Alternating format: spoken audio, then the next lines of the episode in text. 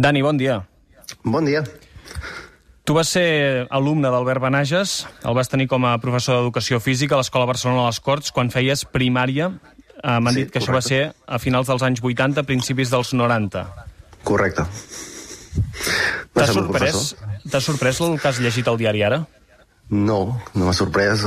Bon, m'ha sorprès eh, la gravetat d'alguns dels fets que, que apareixen perquè no pensava que tingués aquesta dimensió, però no, no m'ha sorprès.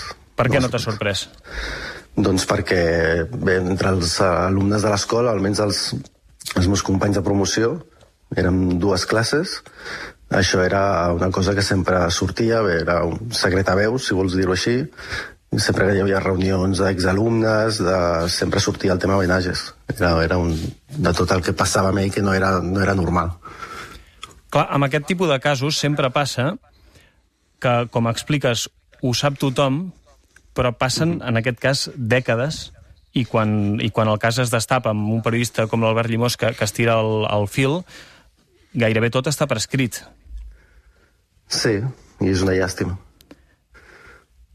Però suposo que aquestes coses passen així. Jo també em faig aquesta pregunta perquè no, no hem parlat abans, però no, no et sabria donar la resposta. Segurament mm, perquè passa en cada cas eh, que genera un efecte que altres persones que han patit situacions similars es reconeixen en el que s'explica i, i veuen una cosa que en el fons ja sabien però que no havien verbalitzat, que és que no és normal el que han viscut, eh, que han estat víctimes d'abusos. Vosaltres ho teníeu clar, això, a l'escola? Jo no tenia clar que si, no tinc clar si he sigut víctima d'abús, el que sí que sé és que he sigut víctima d'una persona que el seu comportament no era adequat. Nosaltres érem nens, érem nens molt petits i vivíem eh, aquelles classes amb cert amor. O sigui, nosaltres li teníem por a aquesta persona. I, i era una cosa que a mi també em sorprèn la, les reaccions de la direcció d'aquella època, o almenys el que he pogut llegir l'article, que diguin que posen la mà al foc quan aquesta persona tampoc ha negat els fets. De fet, el que ha dit és que no cal que se sàpiga tot. Um, per què li teníeu por? Quin era el seu comportament? Era una persona que s'imposava molt, que tenia... Bé, era una, és, un, és una persona molt gran físicament, eh, tenia una actitud mm, no agressiva, però a vegades sí. Eh, no, no sé explicar-te, tenia, tenia, bé, ens, ens, ens impressionava, era una persona que impressionava i que bé, ens, fa- implantava una mica de temor, sí, sí. Dani, uh, explica l'Albert Llimós al diari Ara que una de les uh, pràctiques habituals era que el primer dia de classe um, agafava un nen i una nena i els uh, posava despullats a davant de tot i explicava a la resta de la classe um, com us havíeu d'aixugar després de, després de dutxar-vos. Sí, això a la meva, a la meva classe això va passar amb dos companys, amb un company i una companya. Era, ell era, com- teníem una obsessió perquè amb aquest tema de la higiene. I, de fet, quan entrava als, a, després de fer classe de gimnàs, quan entrava als vestidors, eh, no només entrava al vestidor, sinó que entrava al vestidor i a la part del fons on estaven les dutxes, que eren unes dutxes doncs, de, de vestuari d'aquestes comunes, on ens dutxaven tots els nois, en, en el nostre vestidor, eh, i entrava fins allà i mirava com ens dutxàvem. Quan explicàveu, per exemple, aquesta escena que, que posa els pèls de punta d'un nen i una nena despullats a davant de la classe i el, i el professor explicant com us havíeu de- d'aixugar um, i, i tocant-los, quan anàveu a direcció a explicar això, què, què us deien? Jo no recordo anar a direcció a explicar això ni explicar-li això als meus pares. Jo no, no, no, mm, no tinc aquest record. Has de pensar que ha passat molt de temps i que nosaltres allò, doncs, en cert punt ho vam viure com una cosa estranya, però bé, va passar. Jo sí que no ho recordo com una cosa violenta, com altres coses, com quan entrava als vestidors, que això sí que ho recordo eh, molt, Mm, però no, no, amb 8 anys, amb 7 anys, amb 9 anys, i jo no anava a direcció a explicar res.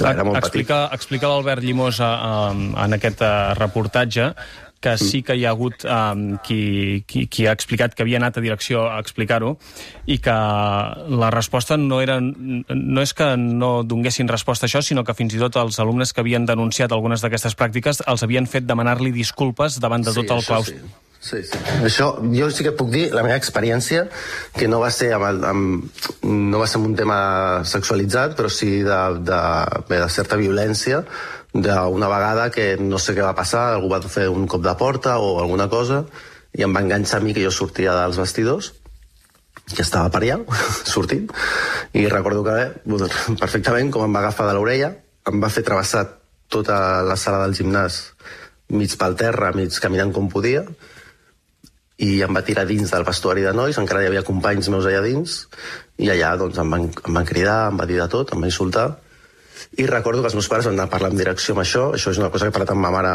de fet vaig parlar ahir, ho vam recordar, i la direcció li va dir que jo era un mentider, que aquell professor era, bueno, doncs era una persona molt respectada i que, no, que això no, no era possible. I recordo després d'estar durant diversos dies on la meva tutora de classe, eh, abans de començar la classe, em feia posar de peu davant la classe a demanar disculpes a tota la classe pel que havia fet i perquè estava dient mentides sobre aquesta persona.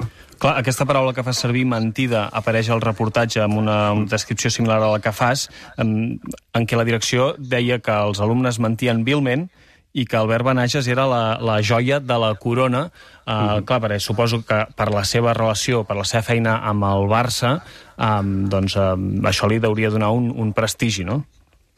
Suposo que l'escola se'n beneficiava d'això. Nosaltres cada any, o si no cada any, molts anys, eh, i a finals de curs, si no era la festa de final de curs, a vegades feien una mena d'olimpiades, eh, d'un dia festiu esportiu, i portava sempre un jugador del Barça o dos i eren jugadors eh, de, reconeguts, no eren jugadors qualsevol. Jo recordo un any que va venir Luis Enrique, per exemple, a partir d'una cosa.